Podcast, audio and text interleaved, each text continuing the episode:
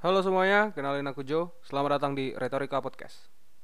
Terima kasih sudah berkunjung ke podcast aku. Nah, untuk episode pertama kali ini, aku sebenarnya ingin lebih ke sharing kali ya. Bukan langsung ke case sih, lebih ke sharing. Uh, jadi apa sih Retorika Podcast ini? Kenapa namanya Retorika? Nah, sebenarnya podcast ini itu akan berisikan opini, kritik juga sih sebenarnya terhadap berita-berita ataupun isu-isu liar yang menurut aku bersifat kontroversi. Nah, sebenarnya untuk menyajikan konten yang berkualitas ini sebenarnya aku gimana ya? Uh, memberikan konten itu yang opini tadi tentu berdasarkan data ataupun kabar-kabar yang menurut aku terpercaya gitu ya. Nah, uh, kalau kena ditanya kenapa retorika, jadi gini nih. Secara teoritis kita tahu retorika itu diambil dalam bahasa Inggris yang uh, dalam bahasa Inggris itu retorik. Sedangkan dalam bahasa Latin disebut retorika dan dalam dan dalam bahasa Yunani itu disebut retor. Nah, menurut Sunarjo nih dalam bukunya bertajuk uh, Bahasa Nusantara, dia menyatakan kalau retorika itu berarti ilmu berbicara, seni berbicara atau mahir berbicara. Nah, sebenarnya retorika itu selain itu apalagi sih? Nah, sebenarnya retorika itu memiliki memiliki lima tujuan, yaitu memberikan informasi, meyakinkan, kemudian memberikan inspirasi dengan cara penyampaian yang tentunya baik, kemudian untuk menghibur, menyenangkan atau memuaskan, dan yang terakhir itu untuk apa ya mungkin kayak persuade gitulah menggerakkan atau mempengaruhi gitu. Nah sebenarnya kenapa sih mulai podcast sekarang? Kenapa podcast? Kenapa enggak yang lain gitu ya? Jadi sebenarnya ini tuh uh, gimana ya? Aku tuh ter tertrigger kali ya tertrigger terhadap menurut aku Indonesia ini sedang mengalami degradasi jurnalis kalau menurut aku sih Kenapa? Karena kita melihat sekarang berita-berita itu kebanyakan sudah semakin tidak berkualitas dari segi judul, konten, pemilihan berita, bahkan main list di suatu portal berita itu sendiri kayaknya gimana ya? Tidak edukatif, tidak in, tidak informatif juga isinya. Dan itu menurut aku mengecewakan sih, mengecewakan banget. Dan di sini, di sini di podcast ini aku ingin menyuarakan dengan kritik yang keras mungkin dan mungkin akan dibumbui dengan makian kali ya. Tidak peduli apakah retor itu harus dengan kaidah berbicara yang benar, tapi kritik dan makian mungkin akan aku lantunkan. Nah, jadi gini nih, kalau pengalaman ya, kalau pengalaman ya, kalian tuh pernah nggak sih baca suatu berita tapi berlebihan, muluk-muluk, lebay, yang kalian setuju nggak kalau ahli itu itu menurut aku sih sebenarnya hanya untuk membuat heboh? Agar booming tentunya. Nah kalau booming kalau booming nih padahal itu nggak berkualitas ya kalau booming terkesan ditipu itu maka orang yang membaca tentu akan ikut-ikutan pengen memviralkan. Nah kalau dia memviralkan pasti ini bawa nih ke ke teman tongkrongannya atau share-share ke grup sehingga apa? Yang lain pada ikut ngeklik. Ya enggak sih? Yang lain pada ikut ngeklik kalau ikut ngeklik pengunjung banyak. Pengunjung banyak rating si jurnalis naik dong. Sehingga kalau dia naik tentu dapat reward dari dari perusahaannya. Kalau dapat reward bisa jadi dia masuk headline padahal nggak berkualitas. Tapi terkesan nipu. Nah untuk itu sebenarnya aku tuh tergerak di tergerak di situ-situ doang sih sebenarnya. Nah mungkin kalau kalian bilang eh, contohnya apa tuh? Banyak ngomong aja. Ini ya kasih contohnya. Lima judul yang menurut aku beneran membuktikan kalau degradasi jurnalis itu sedang terjadi zaman sekarang. Berangkat dari tahun 2017, jauh-jauh ke Belanda, orang kasih malah cari koyo cabe. Hmm, ayo, pikir berita macam apa kayak gitu. Asu, sampah berita. Kemudian kedua nih, ternyata ternyata di berita kapalagi.com itu walaupun memang apa ya kapalagi.com kan kita tahu bahwa itu banyak tentang selebritis ya tapi ya lah selebritis tapi berkuota sedikit bahasanya juga di di apa ya di di filter lah. Masa ber, judulnya gini ternyata selangkangan Brandon Salim selalu gatal bila berkeringat. Deh selangkangan aku juga gatal kali. Itu apa pentingnya selangkangan Brandon Salim gatal? Penting buat netizen terus masyarakat Indonesia harus tahu gitu. Wih selangkangan Brandon Salim gatal garuk yuk. Enggak kan? Enggak penting juga kan? Ini lagi nih. Ini berita dari antara news. Oh antara news. Padahal dipandang keren ya antara news ya. Nggak kayak yang lain. Tapi oke okay, coba kita lihat ini jawaban petinggi Boeing setelah pertemuan dengan Garuda. Itu judulnya, itu judulnya. Ini jawaban petinggi Boeing setelah pertemuan dengan Garuda. Coba membaca berita itu, membaca judul berita itu, kalian pasti terpikir gak sih poin-poin apa ya apa sih jawabannya apa apa hasil keputusannya mungkin gitu ya kurang lebih gitu tapi kalian tahu gak sih kalau kalian mengklik apa isi beritanya tuh isi berita gini ini ini kalimat pertama nih Sejumlah petinggi The, The Boeing Company masih belum mau berkomentar setelah melakukan pertemuan dengan pihak manajemen Garuda Indonesia terkait dengan negosiasi pembatalan pesawat Boeing 737 MAX 8. No comment, kata Direktur Internasional International Sales The Boeing Company Samir Belyamani kepada wartawan yang menunggu di lobi kantor Garuda di Bandara Indonesia Soekarno-Hatta, Banten. Kamis 28 Maret 2019. Ayo. Judulnya jelas, ini jawaban petinggi Boeing setelah pertemuan dengan Garuda. Kontennya diklik no comment jawabannya apa ya ada. Jawaban petinggi boynya ada tapi apa? No comment. Udah gitu doang beritanya. Dan kalian tahu nggak sih itu tuh sampai dua halaman di webnya. Padahal intinya no comment. Kecewa nggak sih? Apaan kayak gini? Degradasi jurnalis. Tai emang jurnalis sekarang. Empat saksi senjata teroris. Saksi bilang gini senjata teroris di Kerschart mirip rival PUBG itu masuk judul di IDN Times 15 Maret 2019 coba pikir kira-kira di mana sih poinnya? Kemudian ada lima sambangi pengadilan agama niketin berjanji ngaku tak pakai bra.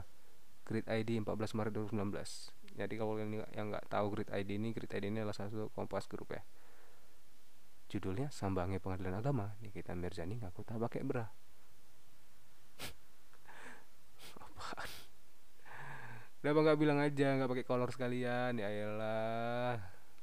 Terus langsung bisa masuk berita gitu ya gak pakai bra ke pengadilan agama. Gampang ya masuk TV masuk majalah masuk koran gitu. Gak pakai bra ke pengadilan agama. Teroris pakai rival PUBG orang lagi berduka loh. Ada yang tewas. Bukan yang meliput aksi damai bukan yang meliput berapa korbannya bukan yang meliput motifnya. Ini mirip rival PUBG orang lagi berduka. Ya nggak sih? Ayolah jurnalis. Nggak gini-gini amat lah bikin berita. Kenapa sih? Gini ya kalau kalian tahu di zaman 1985 kalau salah jurnalis itu bagaikan orang berdiri di samping rakyat. Presiden yang apa ya presiden Soeharto yang menurut kita emang cukup sangat otoriter saat itu itu tuh bisa tumbang karena jurnalis juga. Perlindungan perlindungan hak jurnalis perlindungan-perlindungan hak pers itu semakin digiatkan oleh gerakan-gerakan rakyat karena ingin mentransparansikan pemerintah yang saat itu bobrok banget. Mereka mengandalkan jurnalis. Saat itu jurnalis itu bagaikan teman akrab banget di masyarakat. Akhirnya apa? Jurnalis dihadiahkan hari raya jurnalisme. Tapi hasilnya apa? Saat ini bagaikan jurnalis itu mengkhianati kita. Masih berita yang gak berkualitas membuang waktu. Kita baca berita judul yang berharap A intinya B. Oke kalau B itu ada poin-poinnya. Ini B itu nothing kayak tadi. Ini jawaban petinggi isinya no comment. Belum ngasih jawaban katanya. Mending oke okay lah mungkin nggak masuk akal kali ya. Ini jawaban petinggi tapi jawabannya mungkin bukan mengenai negosiasi tapi mungkin jawabannya mengenai uh, apa ya kerjasama lain tapi yang hasil negosiasi tadi belum ada jawaban. Tapi ada jadwal lain mengenai pekerjaan lain atau MOU lain. Oke mungkin kalau itu tidak segaris sih nggak apa-apa. Walaupun ya karena itu informatif juga kali ya. Walaupun nggak sesuai sebenarnya dengan dengan judulnya. Tapi ini no comment loh. Masuk berita antara news. Bayangkan coba. Nah ini ini itu sebenarnya menjadi apa ya uh, motivasi lah bagi aku sih. Keprihatinan aku terhadap berita-berita zaman sekarang yang ada juga sebenarnya berita-berita yang sebenarnya udah dapat intinya tapi diputar-putar aja. Dicari satu celah-celah itu yang membuat berita itu biar tetap hidup. Gitu. Dan jurnalis sekarang itu juga apa ya berebut menjadi yang pertama. Orang nggak peduli itu berkualitas apa enggak yang pertama yang dicari yang pertama naik ratingnya. Yang pertama paling banyak viewersnya. Entah itu udah berdasarkan kenyataan faktual aktual udah udah terkonfirmasi itu nggak peduli.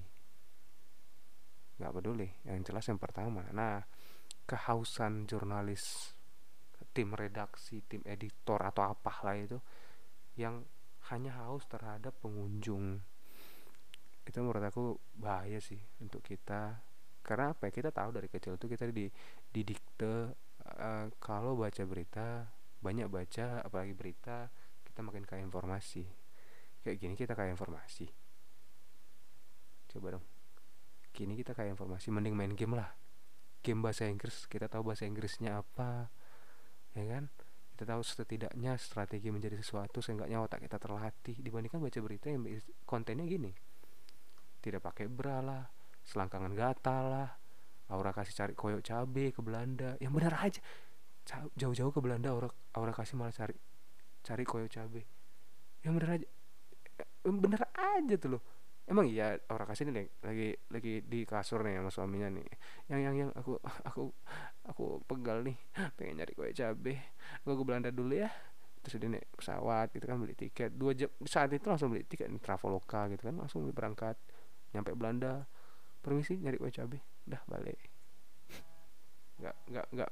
Nggak masuk akal. Menurut aku tuh clickbait yang tidak seharusnya gitu. Aku aku apa ya meyakini percaya dan setuju lah kalau memang wartawan atau jurnalis itu butuh yang namanya clickbait. Tapi nggak nggak yang menjebak dan mungkin butuh filter juga gitu loh.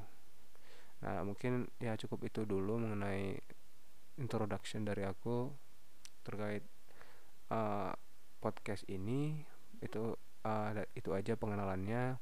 Di episode kedua aku akan mulai membahas suatu case-case. Seperti yang aku bilang akan ada banyak kritik yang aku sampaikan begitu juga dengan opini-opini. Dan aku akan memberikan juga kepada kalian jadi tidak sekedar maki-maki mungkin aku akan memberikan data-data juga yang menurut aku itu terpercaya sumbernya jelas tidak dari media-media yang asal bikin aja gitu loh. Maksudnya gimana data-data itu maksudnya gimana media maksudnya gini. Jadi kalau data itu mungkin aku akan mengambil di website PPS gitu ya Badan Pusat Statistik. Jadi atau hal-hal yang lebih terpercaya tidak tidak berdasarkan misalnya kayak uh, kayak tadi grid gitu loh kayak kapanlagi.com enggak enggak enggak uh, pokoknya kayak apa ya mungkin web portal atau sumber berita yang sudah ini apa sudah mendapatkan penghargaan lah ya mungkin ya. Seperti kata data kalau kalian tahu kata data itu baru mendapatkan penghargaan karena uh, berita yang mereka muat itu memang benar-benar uh, apa ya benar-benar betul lah gitu ya betul dengan kenyataannya dan sesuai dengan data-data yang ada di pemerintah juga. Nah itu aja. Terima kasih udah datang ke episode 1 di Retorika Podcast. Tunggu untuk episode selanjutnya